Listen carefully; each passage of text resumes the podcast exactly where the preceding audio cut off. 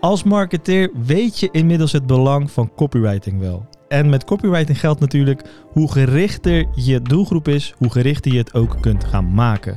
Maar wat doe je nou als je een heel erg brede doelgroep hebt? Denk aan bijvoorbeeld uh, uh, als een gemeente of iets dergelijks. Wat doe je dan? Vandaag praten wij daarover met Charlotte Baks van tekstbureau Door Lotje Getikt. Mijn naam is Alain. Ik ben Fabian. En je luistert naar de Digitaal Bijpraten podcast. Welkom Charlotte. Dankjewel. Leuk, Hallo. Leuk dat je er bent. Vind ik ook. Ja. Superleuk. Bedankt voor de uitnodiging. Ja. Hey, vandaag gaan we het hebben over uh, hoe moet je nou schrijven als je doelgroep enorm breed is. Daar, daar kun je ons, als het goed is, heel veel over vertellen. Ja. Hoop ik. Ja, dat hoop ik ook. Maar ik verwacht van wel. Ja, de, want onze luisteraars, de marketeers, die hebben heel vaak van ja, mijn doelgroep is best groot en breed. En dat is best wel een vraag volgens mij die, die stiekem veel voorbij komt. En dat iedereen probeert, we gaan hem toch specifiek maken, maar soms kan dat niet. Nee, ja, de tip is natuurlijk altijd dat je probeert te schrijven richting een eik-persoon of een buyer-person of hoe je dat ook uh, noemt ja. binnen het uh, bedrijf. Maar ja, soms zit je in een, um, ja, in een markt waarbij je gewoon een hele brede doelgroep hebt. Bijvoorbeeld gemeentes hebben weliswaar de inwoners van de gemeente, uh, maar die kunnen alsnog uh, man, vrouw, non-binair zijn, uh, hoog, laag, niet opgeleid. Um, ja, precies. Ja, ja. allerlei uh, bevolkingsgroepen, allerlei entiteiten, allerlei geloofdiensten, godsdiensten. En wat is dan, um, ja, wat is dan, waar, wat is dan je eikpersoon en waar schrijf je dan naar? Um, ja, die kun je niet in één persona vangen. Ja, precies. Nou, interessant om daarover te hebben. Voordat we uh, daar echt op diep dijven, ja. eerst even wat over jou. Ja. Die is uh, Charlotte. Neem ons eens even mee. Ja, nou, ik ben Charlotte Baks. Um, ik ben eigenaresse van tekstbureau De Lotje Getikt. Dat is een bureau dat ik elf jaar geleden um, als freelancer ben gestart. Ik had een opleiding grafisch vormgeving gedaan en een opleiding journalistiek.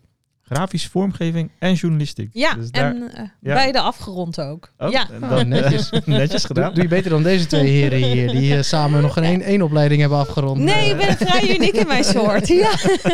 dat, uh, die ja. ervaring heb ik door de jaren heen ook opgedaan. Dus ik ja. vind dat leuk om erbij te vertellen. Zeker. Um, maar destijds zaten we ook al in een crisis, die van 2008 tot 2012. Mm -hmm. um, en ik dacht altijd, nou, ik ga bij het tijdschrift werken. Want grafisch vormgeving en tekst schrijven, dat kun je daar mooi combineren. Ja. Uh, bij Sanoma werden alleen alle banen geschrapt. Um, dus toen dacht ik, nou dan ga ik uh, ja, via een banenmarkt eigenlijk kwam ik terecht om bij Google AdWords te werken. Uh, dat zat bij Teleperformance in, een callcenter. Dus daar moest ik mijn hand op steken om naar het toilet te gaan. En uh, koffie drinken achter het bureau uh, okay. behoorde niet tot de mogelijkheden. is dit echt de hand opsteken? Is dit, is dit true story? Nou, ik chargeer een beetje, maar er was nog net geen plasketting. Oké, oké. Okay.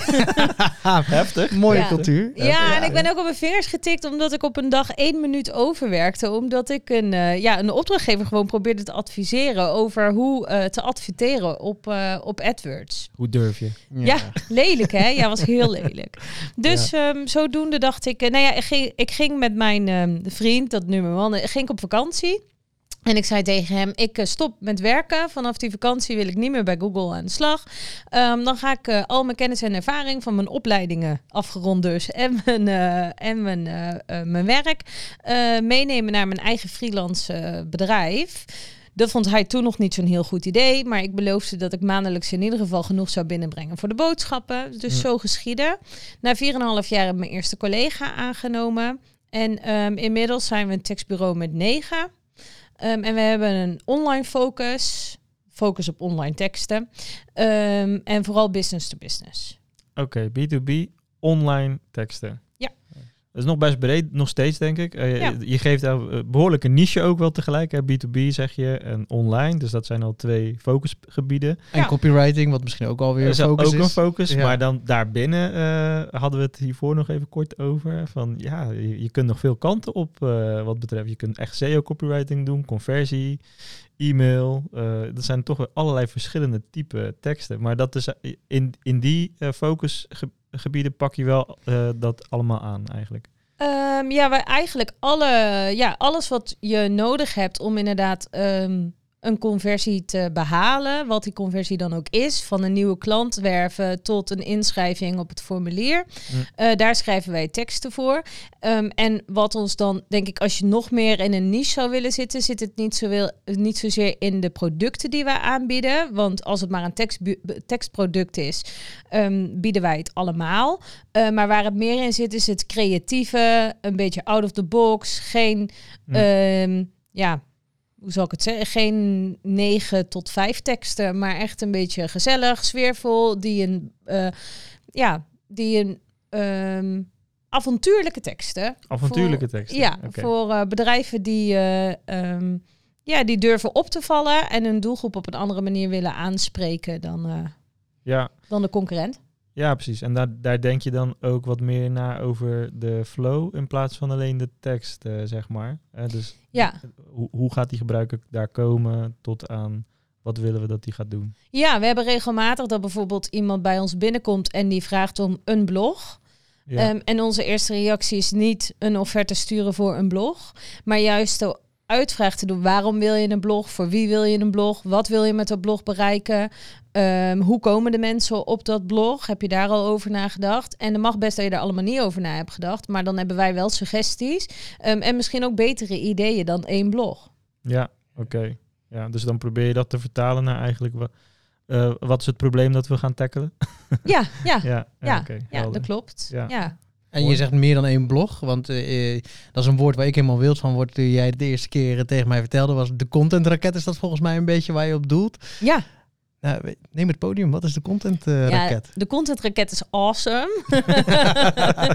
ja, nou ja, de content raket is. ehm, eh, wat is de content raket? Veel willen, vaak willen bedrijven willen op een bepaald thema of een bepaald product of een bepaald dienst willen ze graag gevonden worden en scoren in eh, ja, Google eh, online zoekresultaten. Dat is eigenlijk de wens van veel, eh, veel ondernemers.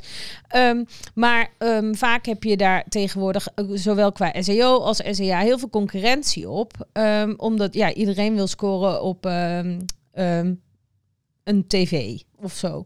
Mhm. Ehm, dus daarbij, en trouwens ook op employer branding. Nou, eigenlijk op alle thema's willen tegenwoordig heel veel bedrijven scoren. En zijn er ook heel veel ehm, eh, concurrenten te vinden online. Ehm, even een voorbeeld. Vroeger ging je vanuit de IT-specialisatie op zoek naar een IT. Tegenwoordig is ook Picnic een IT-bedrijf. En bij ABN AMRO zoeken ze IT'ers. En bij Coolblue zoeken ze IT'ers. En bij de Digitals zoeken ze IT'ers. En iedereen concurreert op de strijd om IT'ers te vinden. Ehm, dan kun je allemaal een landingspagina gaan maken met een vacature voor de IT'er. Maar daar ga je de wedstrijd niet mee winnen. Want je gaat als kleine ondernemer in Tilburg niet kunnen concurreren tegen een ABN AMRO die ook twee of drie IT'ers vindt. Dus het idee is om daar een hub omheen ehm, te creëren. Ehm, waarbij je wel die centrale landingspagina hebt met dat zoekwoord eventueel als het nodig is IT'er. Maar dat je daarnaast allerlei content, snacks verzint of maakt of creëert. Ehm, die die IT'er juist naar jouw bedrijf eh, stuurt en naar jouw cultuur. En ehm, eh, ja, ze laat enthousiasmeren over wat jij doet. Ehm, en daarbij moet je ook nog eens eh, nagaan dat dit natuurlijk vaak latent werkzoekenden zijn, om in dit voorbeeld te blijven. Dus mensen zijn niet op zoek naar je, ze komen je tegen. En om je tegen te komen heb je ja, heel veel stukken content nodig. Andere soorten content dan die vacaturetekst. Andere soorten content dan die vacaturetekst. En ook onderscheidend ten opzichte van al die concurrenten bij jou in de plaats, die ook naar een IT'er op zoek zijn. Ondanks dat je denkt dat de ABN AMRO geen concurrent van je is, omdat het een bank is. Ja, Ehm, dus wat er dan moet gebeuren is dat ehm, jouw collega's vertelt over zijn werkdag. Of dat je een social post over de frietjes die jullie eten. Of nog beter, over de Lego die jullie bouwen, omdat iedere IT'er daar wild van wordt. Of, nou ja, kan alles zijn. Het kan een infographic zijn. Het kan een, ehm, een eh, fotoreportage zijn. Het kunnen blogs zijn. Het kunnen ervaringsverhalen zijn. Het kunnen quotes zijn. Het kunnen socials zijn. Het kan alles zijn. ja. En als je dat allemaal bundelt en allemaal naar die centrale pagina stuurt, die vacaturetekst voor de IT'er, dan eh, maak je veel meer kans ehm, om op, op, die, op die zoekterm te scoren dan wanneer je enkel en alleen uitgaat van de SEO-waarde. Hm, ja. En dat is in een notendop content raket, als ik het Ja, Zo, eh Dus- als je het zo snappen. de raket eh, is eh, de vertaling van dus veel meer content maken dan alleen maar het ene einddoelstukje. Ja, het is echt een, eh een eh, sneeuwbaleffect creëren. Ja. Wat ik altijd zeg, je kunt op een wit veld honderd kleine sneeuwballetjes leggen. Hm. Allemaal vacatureteksten. Ehm, maar ja, die gaat niemand zien. Als je nou allerlei content daarop plakt... ehm, met socials en ehm, longtail keywords en Hm. nou, alle mogelijke eh, manieren die je doet. Met, eventueel met een vlog of met een podcast uit te breiden. Of met ads, kan alle kanten op natuurlijk. Ja. Dan ehm, heb je niet meer honderd kleine sneeuwballetjes op een wit veld. Maar dan creëer je één hele grote sneeuwbal rondom jouw thema. En dat valt op vanaf 100 meter afstand. Ja, ja, helder. Nog een metafoor die bij mij opkomt, eh, is eh, een soort van kruimelpadje. Hè? Je, dat je allemaal breadcrumbs achterlaat. Ja. Waar iemand denkt, hé, hey, dat, is- dat is lekker. Ik- Ja. En dan dat hij zo eigenlijk naar het eh Ja. einddoel volgt. Steeds een beetje prikkelen inderdaad. Ja. Waardoor hij op een gegeven moment denkt... zo, dat is wel echt een leuk bedrijf in dit voorbeeld. Ja, oké, cool. Dus dat is, eh, dat is eh, de content raket. En dat is een beetje jullie benadering bij het maken van teksten eigenlijk. Ja, klopt ja. Dus Ja. ik kom binnen voor een blog en ik ga weg met een nog betere blog dan ik al had gedacht dat er zou komen. En een klein stukje social content, een, een klein stukje verdiepende blog, een, een, een whitepaper en dat soort zaken. Die komen in één keer vanuit dat ene thema, dat ene onderwerp. Ja, dat klopt. Ja. Mooi. Dus het betekent ook meer omzet voor jou, maar tegelijkertijd ook wel meer waarde voor de klant. Dus daar Ja. ben je wel aan op zoek, zeg maar. Nou ja, het is een veel ehm, verstandigere investering. Want dat ene blog Ja. kan misschien 300 euro kosten, maar daar komt per jaar 10 man op. Ehm, en zo'n contentraket kun je ook vri- vrij klein eh, starten. Eh, laten we zeggen 1000 euro. En je vangt er per maand eh 100 man op. Ja, precies. Dus, eh, Als je, je berekent het weer terug op de per gebruiker bewijzen van. Ja. ja, ja, ja. Slim. Oké. Hey, en dan eh, terug naar de topic. Een te breed doelgroep. Ja, hoe, hoe, eh, je gaf net al een paar voorbeelden. Hoe, hoe kijk je daarnaar, een te, te breed doelgroep? Nou ja, in principe natuurlijk wanneer je je doelgroep kunt verkleinen, eh, is dat altijd beter. Dus wij kunnen als tekstbureau zeggen dat we teksten kunnen schrijven voor iedereen, maar daar heeft niemand iets aan. Beter kunnen we zeggen wij schrijven teksten voor bedrijven van 50 tot 100 man, die in ieder geval een eigen communicatieafdeling heeft, maar te klein is om zelf de hele dag content te creëren. Dan heb je zeg maar een Ehm, ja, dan heb je een persoon gecreëerd waarnaar je toe kan schrijven. Dan weet je ook ehm, waar de voordelen te halen zijn, waar de pijn zit, hoe je die kunt verzachten. Nou, alle marketingtrucken kunnen dan, eh, kunnen dan uit de doos. Ja. Ehm, maar ehm, bijvoorbeeld wat ik al zei, voor een gemeente kan dat niet. Of wanneer je een eh, openbare basisschool bent in een, eh, in een dorpje, ehm, dan ook heb je te maken met allerlei, ja, wederom eh, mannen, vrouwen, entiteiten, geloof, godsdiensten. ehm, ja, allerlei facetten waarin je ehm, toch alle ouders en verzorgers, tussen haakjes, eh, wil, ja, dat is dus zo'n voorbeeld, ehm, wel wil ehm, aanspreken. Ehm, en het beste is het dan ehm, om je gewoon te accepteren dat je een brede doelgroep hebt. Ehm, ehm, en die doelgroep op een eh, zo gevarieerd mogelijke manier aan te spreken. Oké. En daarvoor zeg jij, daar hebben jullie een goed idee over om zo'n brede doelgroep binnen te halen met leuke kopie voor iedereen. Ja, daar heb ik inderdaad een goed idee over. Dat heb ik niet zelf bedacht. Dit heb ik afgekeken. Ja. Ehm, en waar ik ehm, dat een beetje. Nou ja, je hebt binnen de HR vaak. ehm, houden ze een model aan waarbij je eh, verschillende kleurtypes kunt zijn. Hè? Dus ik ben vrij oranje, namelijk een mix van geel en rood. Eh, maar heel veel mensen zijn geel of rood of blauw of groen. En dat is, een, eh, dat is een model wat heel erg wordt gebruikt om ehm, de team spirit te verbeteren en om intern eh, ja, beter te functioneren met elkaar en om te kijken Ja. welke personen je nog eh, mist binnen een team. We hebben hem toevallig eh, pas gedaan, de disc. eh, Diskmethode le- is een beetje Ja. hetzelfde ongeveer. Of, Voor mij is het, het is van elkaar afgeleid. Mm, Het is precies de DISC-methode Oh, het is precies inderdaad. de diskmethode. Ehm, waarop in, in ieder geval HR en, ehm, ehm, en eh, teamsessies ehm, wordt gekeken welk karakter je bent. Ja, Precies. Ja. We hebben recent nog een gast gehad over de diskmethode volgens mij, toch? Zeker, ja. Dus- Dus, een paar afleveringen terug inmiddels eh, voor de luisteraar. Eh, daar gaan we in op eh, wat disk voor je teamdynamiek kan betekenen. Dus heel toevallig. eh, maar jij gebruikt het niet per se voor teamdynamiek, maar eigenlijk in het trucje wat je ons nu gaat vertellen. In het trucje dat ik jullie nu ga vertellen, Ja. waren er niet dat ik eerst wil weten, wat voor personen zijn jullie? Ja, ja je, je kent ons niet zo heel lang. Eh, zou je een inschatting kunnen maken? Ah, ja, de vraag even terugbrengen. Ja, Ja, ja, ja. Eh, nou, jij misschien denk ik meer blauw of groen. Oké. Oké. Ja. En ja, ik weet het niet. Is lastig, is ook sowieso lastig. ook een beetje groen of rood. Groen-rood. Nee, ik ben heel geel, dus. Jij bent heel geel. ja, ja, zeker. Ik ben eh, vrij rood. Ja. Vrij rood. Nou, je- zat ik er dus helemaal naast. Dat geeft is, niet. Dat is bij de meeste mensen bij mij, die schatten mij niet rood in in een eh, kennismaking. Want ik ben eh, op zich vrij rustig in een gesprek. Ja. Eh, maar ik hou wel van heel hoog tempo en eh, veel eh, doen, zeg maar. Dus dat, daar was ik zelf ook verbaasd over trouwens hoor. Ik had mezelf ook niet zo rood gegeven in het begin. Oh, wat grappig. Ja. Nou ja, ik heb dus altijd gedacht dat ik super geel was. Totdat ik het model aan mijn man liet zien. Die echt mega analytisch en dus blauw is. Juist. En die zei, nee, maar jij bent echt knaloranje. Want je zit precies tussen rood en geel in. En toen ben ik dat dus gaan onderzoeken. En toen dacht ik, nou, hij heeft nog gelijk ook. Dus ik had het zelf ook nog verkeerd ingeschat eigenlijk, wat, Ja. ik, eh, wat ik ben. Ja, grappig is dat. Ja. Ja. Ja. Maar in ieder geval, ehm, eh, dus inderdaad het diskmodel, ehm, dat eh, typeert mensen en maakt je dus inderdaad introvert of extravert of heel analytisch of juist ehm, heel spontaan. Je gaat heel erg aan op beeld of helemaal niet. En waar ik dat terugzie in communicatie, is bijvoorbeeld op Funda en Coolblue. Ehm, en om nou het voorbeeld van Funda aan te houden, ehm, dat is iets waarbij ik en mijn man dus heel erg van elkaar verschillen. Stel, wij zoeken een huis, dat doen we nu niet, eh, maar dat deden we acht jaar geleden wel. Ehm, dan is hij dus een heel analytisch type, die eh, eerst naar de specificaties, de, hij gaat eerst de specificaties lezen, dan gaat hij de hele tekst lezen en dan gaat hij naar de plattegrond kijken en dan gaat hij de beelden erbij pakken. Ja.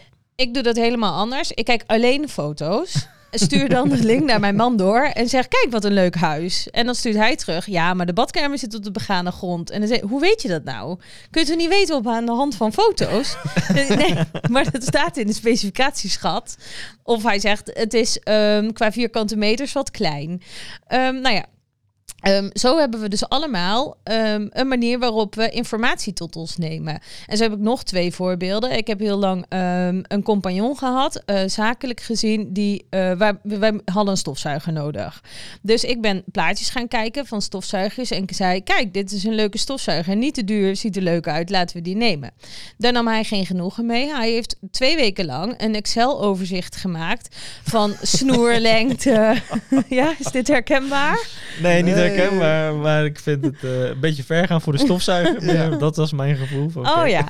Ja, nou ja, maar er zijn dus mensen die heel analytisch en Ja. heel eh, calculerend Ja, ehm, aan de hand, ja, nou ook op basis, ook voor stofzuigers gewoon een, eh, vergelijkingsmodel eh, maken. Wat is de zuigkracht? Wat is de prijs-kwaliteit verhouding? Hoe lang gaan die dingen mee? Ehm, en op basis daarvan een keuze maken. En ik kan me daar niks bij voorstellen, want ik vind een stofzuiger er gewoon gezellig uitzien en ik heb hem vandaag nodig. ja. Ja, nou je het zegt trouwens, eh, heb ik ook wel. Ik heb geen Excel gemaakt voor onze stofzuiger.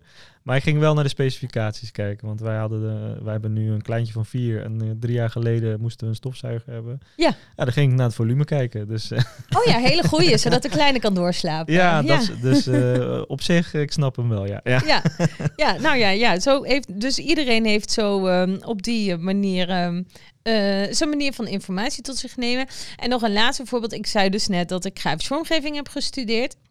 En vanuit daar heb ik ooit een boek gekocht.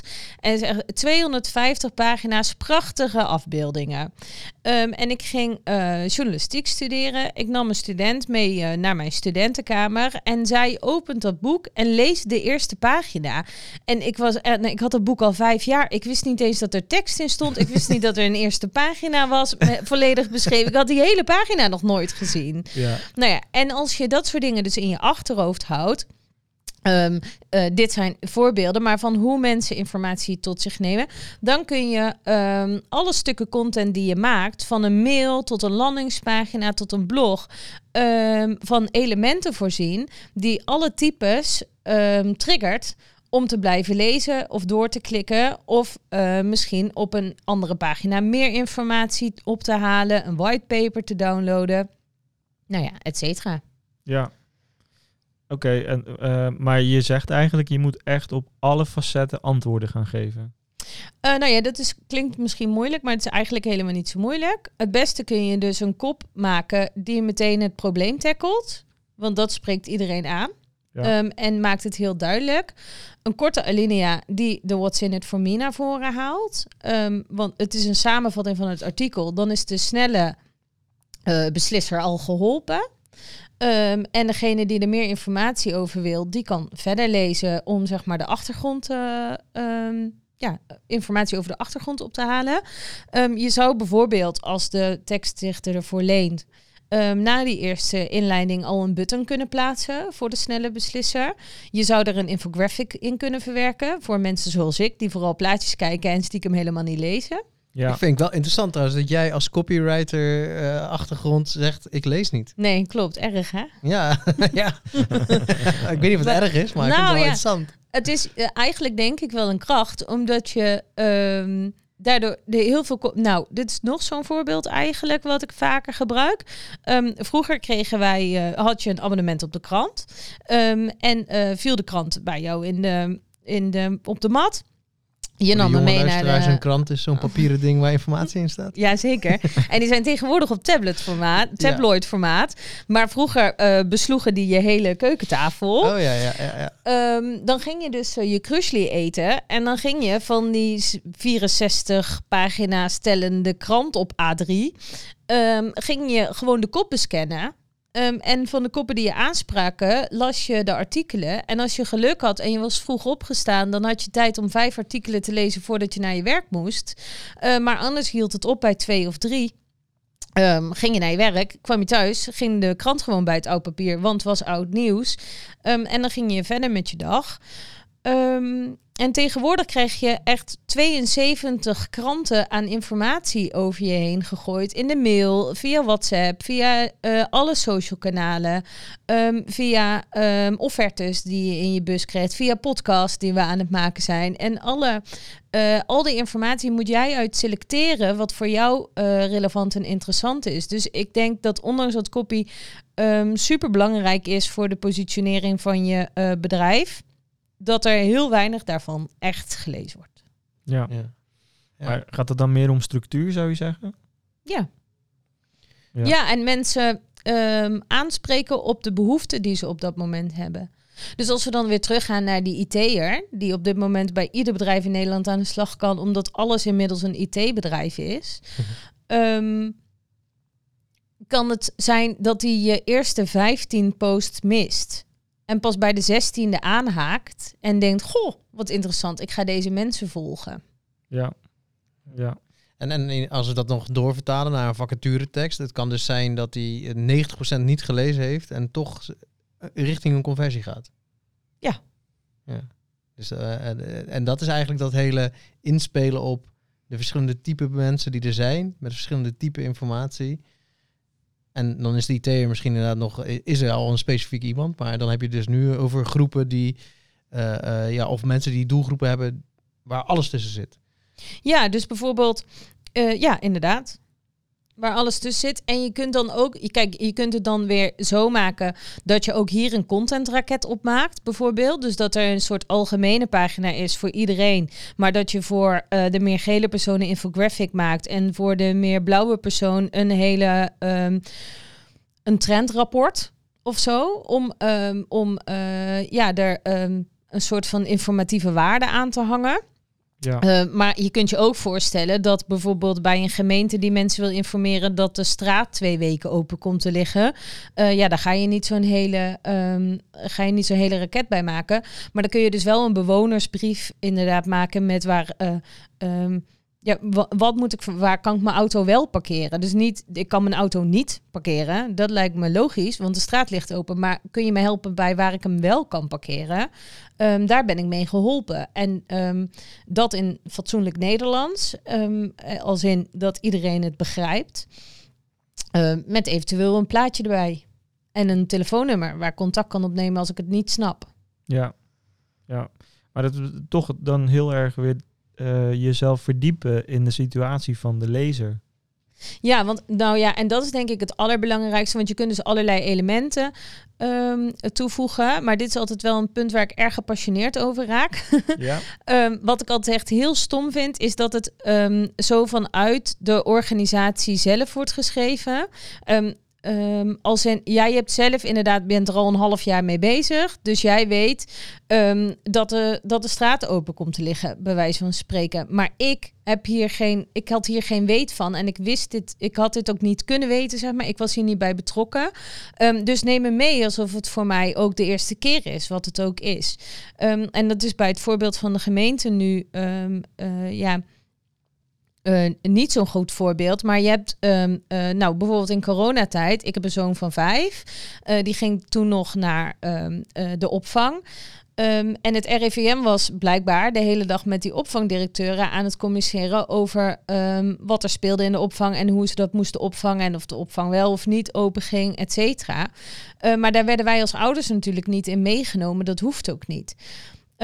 Tot we een mail kregen. En hier heb ik ooit een keer een e-book over geschreven. Zo gepassioneerd was ik erover. We kregen een e-mail van 2307 woorden.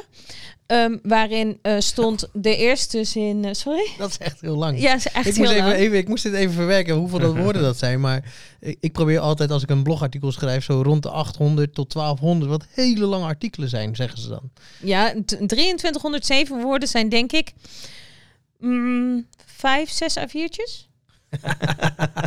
Nou, succes ermee. Ja, oké. ja. er stonden geen eh, tussenkopjes in. Ah, oké. dat dus maakt het was ook niet ja. eh, scanbaar. Ja, ik, En, ben, eh, ik ben dan die rode persoon die doet gewoon delete. Ja, Ja, ik kan daar gewoon niks mee. ik ook niet. Maar uit beroepsdeformatie heb ik de eerste zin en de laatste alinea gelezen. Ja, De eerste zin was, zoals u ehm, onlangs in de media heeft gehoord. Nou, dat is een aanname die werkelijk nergens op slaat. Want ook binnen de eh, kinderdagopvang ehm, zijn de, natuurlijk is de doelgroep super breed. Ehm, Ja. eh, als in hoger opgeleid, niet opgeleid en alles daartussenin.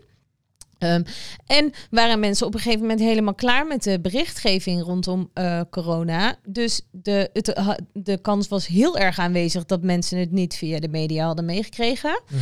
Ehm, maar je laat je lezer wel meteen in de eerste zin super dom voelen. Oh ja, ja. ik heb het niet meegekregen. Nou ja, nu moet ik blijkbaar 2307 woorden gaan lezen.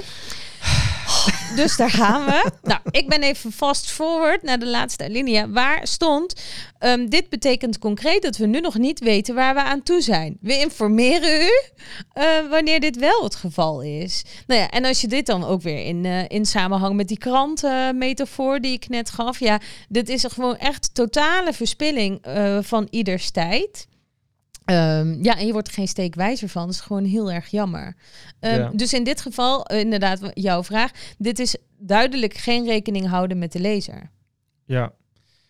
Ehm, maar ook bij een, ik denk een hele specifieke doelgroep is het eh, net zo belangrijk als een hele brede doelgroep. Dit principe. Ja. Je, je- jezelf eigenlijk veel meer verplaatsen in de schoenen van de koper, de ontvanger, de, Ja. eh, de, de doelgroep in ieder geval. Ja, en ook waarom zou ik het vandaag... Moet ik dit nieuws vandaag ontvangen en waarom? Ja, En het antwoord op deze mail zou zijn geweest... dat hoeft niet en ook niet vandaag, maar ook niet morgen. Ja, En de reden is omdat er nog niks concreets is.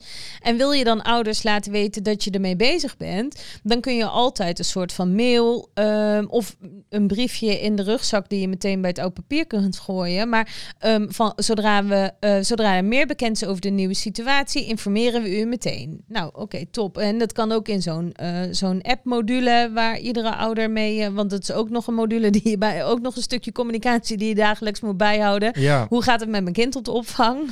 Ja, ik heb ook allemaal appje, appgroep dingen en zo. Ik denk, Ja. ja. ik vraag het wel aan mijn vriendin. Ik Ja, ja, nee. Nou ja, ik ben dus ook zo'n, eh, dat heet eh, loedermoeder. Oh ja. Die eh, Oh. aan het eind van de dag, wanneer de kinderen in bed liggen, erachter komt dat ze 50 foto's heeft. Ja, Ja, ja.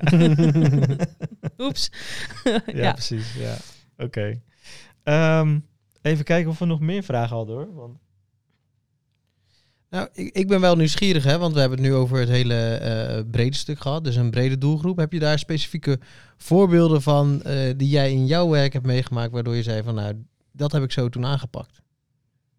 Ehm, ja, maar daar moet ik wel even over nadenken. Snap ik. Ehm, nou ja, wat wij natuurlijk sowieso ehm, in het algemeen doen, is dus inderdaad ons afvragen: moet dit stukje communicatie nu de wereld in? En waarom? En wat heeft de lezer daar dan aan? Dus ik denk dat dat, dat, dat zou echt al een heel goed basisprincipe zijn. Eh, daarnaast zijn wij zelf natuurlijk als tekstschrijvers ehm, heel erg bekend met alle elementen die je kunt toepassen. Dus je kunt eh, tussenkoppen gebruiken. Mobielvriendelijk schrijven betekent dat je ongeveer tot 50 woorden per alinea ehm, eh, hanteert. Maximaal, als maximaal hanteert. Maar een alinea kunnen ook twee woorden zijn. Moet ik me aanmelden? Nee. Dus einde verhaal. Dan kunnen we een hele alinea aanwijden. Maar waarom zouden we dat doen? Omdat het mooier staat gevuld op een A4'tje. Maar dat is Ja. natuurlijk niet per se eh, gebruiksvriendelijk voor de lezer. Ja, Ehm, dus dat soort elementen, ehm, die kennen wij allemaal heel goed, waardoor we daarbij eh, kunnen helpen. Ehm, nou ja, en dan zijn er dus bedrijven inderdaad die wij eh, hiermee helpen, of organisaties. Eh, ja, hun, het, ja, eigenlijk feitelijk gewoon alles lezervriendelijker te maken. Dus dat gaat van de eh, Wageningen Universiteit, die hun hele HR-beleid eh, online aan het opschonen is. Ehm, eh, tot ehm, een organisatie stroomopwaarts. ehm, die zorgt dat mensen weer kunnen reïntegreren eigenlijk. En wat dat betekent. En nu trouwens ook vandaag precies een voorbeeld van een organisatie. Eh, in Tilburg en omstreken woninginzicht. Eh die zorgen ervoor dat mensen in sociale huurwoningen en zo eh, terecht kunnen. Ehm, en die hebben een pagina en die pagina heet Voorwaarden. Ehm, en de eerste alinea is: Heeft u urgentie? Maar al zou je het woord urgentie begrijpen, dan nog begrijp ik als hoger opgeleide met twee afgeronde studies ehm, tekstschrijver niet wat urgentie betekent in dit geval. Nu weet ik het inmiddels sinds vandaag wel, want de eerste vier bullets daaronder waren: u heeft te maken met huiselijk geweld. Ehm, u wordt uit de woning gezet. Eh, dat soort zaken zijn urgentie, waardoor je dus blijkbaar ehm, sneller op de, ehm, of ja, makkelijker aan een andere sociale huurwoning eh, kunt. Maar mensen raken niet zomaar zelf op die pagina. En als ze daar zijn, dan eh, ja, is die structuur. De structuur is super onduidelijk, want hij heet voorwaarden. Dan is de, de kop: Heeft u urgentie? Ja, ik weet niet wat het betekent. De volgende tussenkop is: Heeft u geen urgentie? Ja. Eh, met daaronder echt 40 bullets. Ik ben fan van bullets, maar als het er zoveel zijn, dan, ehm, dan is dat eh, ongestructureerd. Beter kun je dan weer een nieuwe pagina maken en daar eentje voor gezinssituatie. Eh gezinssituaties waarin u geen urgentie heeft voor een nieuwe woning. Ehm woonsituaties waarin u geen ehm, eh, urgentie heeft voor een nieuwe woning, et cetera. ja. Ehm, nou, en zo kun je dat dan, ja, het moeten veel ehm, makkelijker, eh, het communicatiepad moet beter. Dus ik moet sneller door kunnen naar waar ik moet zijn in mijn persoonlijke situatie. Ehm, en het moet allemaal veel ehm, gestructureerder in één oogopslag duidelijk zijn. Ah, hier moet ik zijn, hier moet ik klikken. Ja, dus eigenlijk het toegankelijk maken van je verhaal komt het dan Ja. een beetje op neer, toch? Ja, Ja, ja. En door jouw achtergrond heb je dan ook het gevoel van oké, eh, eh, je hoort wel eens mensen over copy van ja, ik, ik, ik ben gek op teksten. En, en die dat dan ook heel erg op zichzelf betrekken. Maar door jij, dat jij ook die achtergrond van het visuele hebt, is daardoor dat je veel meer gaat nadenken van hoe ga ik mijn totale content neerzetten in plaats van hoe ga ik goede copy aanleveren. Ehm, ik weet niet of dat te maken... Ik denk dat dat gewoon met 11 jaar communicatie te maken heeft. met 11 jaar ervaring zeg maar, in het tekstschrijversvak. Maar misschien ook wel omdat ik vaak dingen dus inderdaad beeldend zie... en zelf heel slecht ben in lezen. Ehm, en... ehm, ehm, wat wilde ik hierover zeggen? Ik denk ook. ehm, nee, ik ben even kwijt wat ik hier nog meer over wil zeggen. Dat geeft niet, want dan knippen we dat gewoon. Dat komt helemaal goed. Ja, zeker. Nee. Ehm, zal ik gewoon een vraag opnieuw stellen of zeg je van eh, we gaan niet de andere kant op? Nee, doe maar even de vraag nu. Wat wil heel even zeggen wat je ook weer vroeg? Ik vind het namelijk ook moeilijk om je niet aan te kijken terwijl je. Maar nu zit. Oké, klaar. Ja. De vraag was, maar dan moet ik mezelf ook weer even bedenken. Ehm, ja, komt het door jouw achtergrond dat je zowel um, over de content in zijn totaliteit heen denkt, in plaats van alleen maar naar de copy gericht kijkt? En dat je dus daardoor een veel beter totaalbeeld kan brengen voor, nou ja, ik noem even de lezer, maar je kan ook noemen de kijker. Ehm, het zou kunnen zijn dat het komt omdat ik veel ehm, beeldender eh, ingesteld ben. Vanuit die opleiding destijds, maar misschien omdat ik dus ook zelf slecht ben in lezen. het kan ook zijn dat het komt omdat ik elf jaar ervaring heb in het tekstschrijven. ehm, waardoor ik nu sneller zie hoe het pad moet bewandelen om de doelgroep op de juiste manier aan te spreken. Ehm, en ik vind ook wel dat als je dus een hart hebt voor schrijven, ehm, waarop veel mensen ook bij ons solliciteren. Dat dat niet per se betekent dat je goed bent in commercieel schrijven ehm, en doelgroepgericht schrijven. Want je kunt natuurlijk ook goed zijn in schrijven en het leuk vinden om poëzie te maken. Dat is echt een heel andere tak van sport Ja, dan eh, conversiegericht en commercieel ehm, ja want wij... te eh, schrijven. Om, je, om even op in te haken. Wij hebben eh, regelmatig met wat verschillende copywriters gewerkt. En die zijn wel wat meer gefocust op echt het maken van een verhaal, zeg maar. Ja, Eh, dus die kunnen je heel goed interviewen en daar een soort van blog van maken. Eh, maar dan ga je met diezelfde copywriter aan de slag. Oké, we hebben een campagne en daar willen we leads uit genereren. Dus dan is dit, dit zijn de USP's van het product. Ja, dan, dan gaan ze een beetje in uitvoermodus voor mijn gevoel. En dan gaan ze doen wat je zegt, maar dan komt het niet helemaal zoals het in je hoofd zit. Ehm, dan mis ik eigenlijk een beetje dat commerciële stuk bij zo'n tekst schrijven. Maar dat, dat is eigenlijk waarvan jij zegt, nou, Die mis ik ook. Ja. die, die, mis je, die mis jij zelf ook vaak bij tekstschrijvers. Nou ja, niet bij de mijne. Want, Ja, eh, nee, want dan of we springen als team in, zeg maar, en gaan met elkaar kijken hoe kan het beter. Ehm, eh, nou, ja, dus dat. Maar wij werken natuurlijk ook nog wel eens met freelancers. En dan heb ik dezelfde ervaring. Ehm, dat ja, dat eh, een beetje de nieuwsgierigheid ook ontbreekt of zo om het te vertalen naar de doelgroep. Want ik denk dat dat het vooral heel belangrijk is. Ik kan wel luisteren naar de opdrachtgever, maar dan kan hij het ook zelf misschien schrijven. Liever luistert de opdrachtgever naar mij Ja, en spreekt dus een doelgroep aan. ja. Ik heb bijna inderdaad het gevoel dat iedereen nog wil schrijven zoals die ouderwetse krant waar we het net over hadden, waarin alleen een artikel met gewoon puur een aantal alinea's staat. Ja, Dat, dat ze daar naar op zoek zijn. Maar ik, ik ben niet een boek aan het lezen. Ik ben informatie tot me aan het eh, krijgen. En die wil ik in, in, een, in een, laten we zeggen, ve- veel dimensionalere manier tot mij krijgen. Zeker als ik bepaalde type lezer ben waar je het net over had. De, de groen, geel, blauw, ja. et cetera lezen. Nou ja, dat denk ik ook. Er is op een gegeven moment ook zo'n trend geweest dat alles een longcopy moest zijn. Want het zou beter zijn ehm, voor je SEO-waarde. Ja.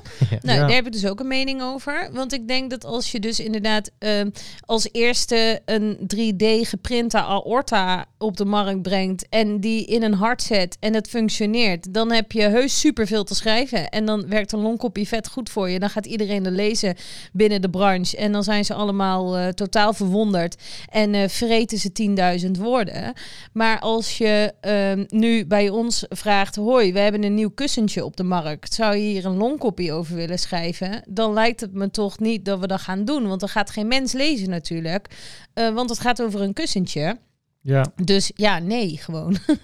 nee, ja, Het hangt een beetje van het thema af. Ja. Ja. L- Longcopy kan natuurlijk wel. Volgens mij noemen ze dat in SEO-wereld eh, pillar content of zo, geloof ik. Ja, nou, nou, dat is vooral volgens mij als je heel erg naar iets toe wil schrijven en stap voor stap alles meeneemt. Ja. Ja, zo'n pillar page kan onderdeel zijn van je, van je raket dus, zeg Oh ja, maar. ja. De pilaarpagina, waarom je... de- Waar alles waarom- samenkomt. Ja, en, waar ja. alles samenkomt rondom een content hub, Ja, heet dat dan, in Ja. hippe marketingtermen. ja. Maar content raket is veel gezelliger. daar wil je wel in zitten. ja. precies. Dan schiet je echt hoog. Maar ehm, ja, dus nee, ik zou dan zeggen, bijvoorbeeld dus wil je iedere doelgroep aanspreken en heb je zoiets super vets waar je heel uitgebreide informatie over kan sturen. Nou, laten we de 3D geprinte aorta eh, nemen. Dan kan ik me voorstellen dat je voor branchegenoten een ongelooflijk lange eh, download maakt, waarin ze helemaal, hè, waarin je ze helemaal meeneemt in de tien jaar die je eraan hebt besteed om deze techniek eh, in een mens te krijgen. Ehm, maar ik zou het op zich ook wel interessant vinden om te lezen, maar natuurlijk niet 10.000 woorden. Ik wil een social post. Ja, ja. Ehm, en zo, als het doel daartoe dient, hè, want ik kan me in dit voor hier niet echt een voorstelling van maken waarom je mij wil bereiken, maar ja. Ehm, eh, zo, en zo moet je dus um, ja, al die verschillende type mensen um, aanspreken. Met, ja, en je hebt er allemaal elementen voor. Want ik, ja, wat ik dus ook echt ergerlijk vind, is dat mensen altijd maar uh, mailen zonder tussenkopjes en zonder links ja, en zo. Ja, zeker. Ja, Ja. Er worden, wel, hè, um, zoals in de bijlagen. Ons tariefprijs, ja, moet de bijlagen weer gaan openen. Of um, zoals in uh, maart 2022 aan jullie gecommuniceerd, um, verhogen we de prijs. Ja, alsof ik nog weet welke mail ik in maart 2022 heb gekregen. Ik krijg echt al uh, rode vlekken in mijn nek als ik uh, ja, ja. bij zo'n mail heb, ben ik iets vergeten. Heb ik, dus um, ja, het idee is gewoon Um, ga uit van de doelgroep. Die weet in principe niks. Ik heb trouwens ook nog een leuk trucje voor, zo dadelijk. Um, en um, zorg ervoor dat al die elementen in je tekst zitten. Dat de snelle scanner kan scannen. Dat degene die meer informatie wil, uh, kan doorklikken naar een pagina waar meer informatie staat. dat de niet-lezer een infographicje meekrijgt. Uh, dat er wat socials komen om überhaupt um, zelf reuring te geven aan het onderwerp. In plaats van maar afwachtend te gaan zitten, kijken of er iemand interesse heeft in, jou, uh, in jouw stukje. Ja, ja, ja. Uh, dat soort dingen. En het voorbeeld wat ik nog wilde geven. Um, Einstein heeft dus ooit gezegd dat het uh, iets wat je weet, kun je niet meer niet weten. Waardoor het dus heel moeilijk is um, om je uh, ja, om het niet te weten en hoe dan te beginnen met een uh, stukje content. Um, en nou is er dus een keer een onderzoek geweest dat als ik nu 50 liedjes uh, voor jou trommel met mijn vingers, dat jij er niet één kan raden. Terwijl voor mij zijn ze alle 50 echt, ja, super helder, want ik weet welk liedje ik aan het trommelen ben. Dus wij zeggen altijd tegen tekstschrijvers die denken: waar is mijn doelgroep in dit proces? Trommel voor jezelf een liedje. Vraag aan je collega of je weet wat je speelt. En begin dan pas met de tekst te schrijven, want dan denk je: oh ja, de lezer weet natuurlijk net zo weinig van dit als dat mijn collega het liedje kon raden. Ja. Ah, ja. ja. ja, goeie, interessante. Want als, als ik dat allemaal even mag samenvatten, uh, zeg je sowieso uh, verdiep je in de doelgroep voor zover dat kan. Wordt de doelgroep heel breed, maar past dit misschien ook sowieso toe. Verdiep je in de type mensen en lezers die er zijn.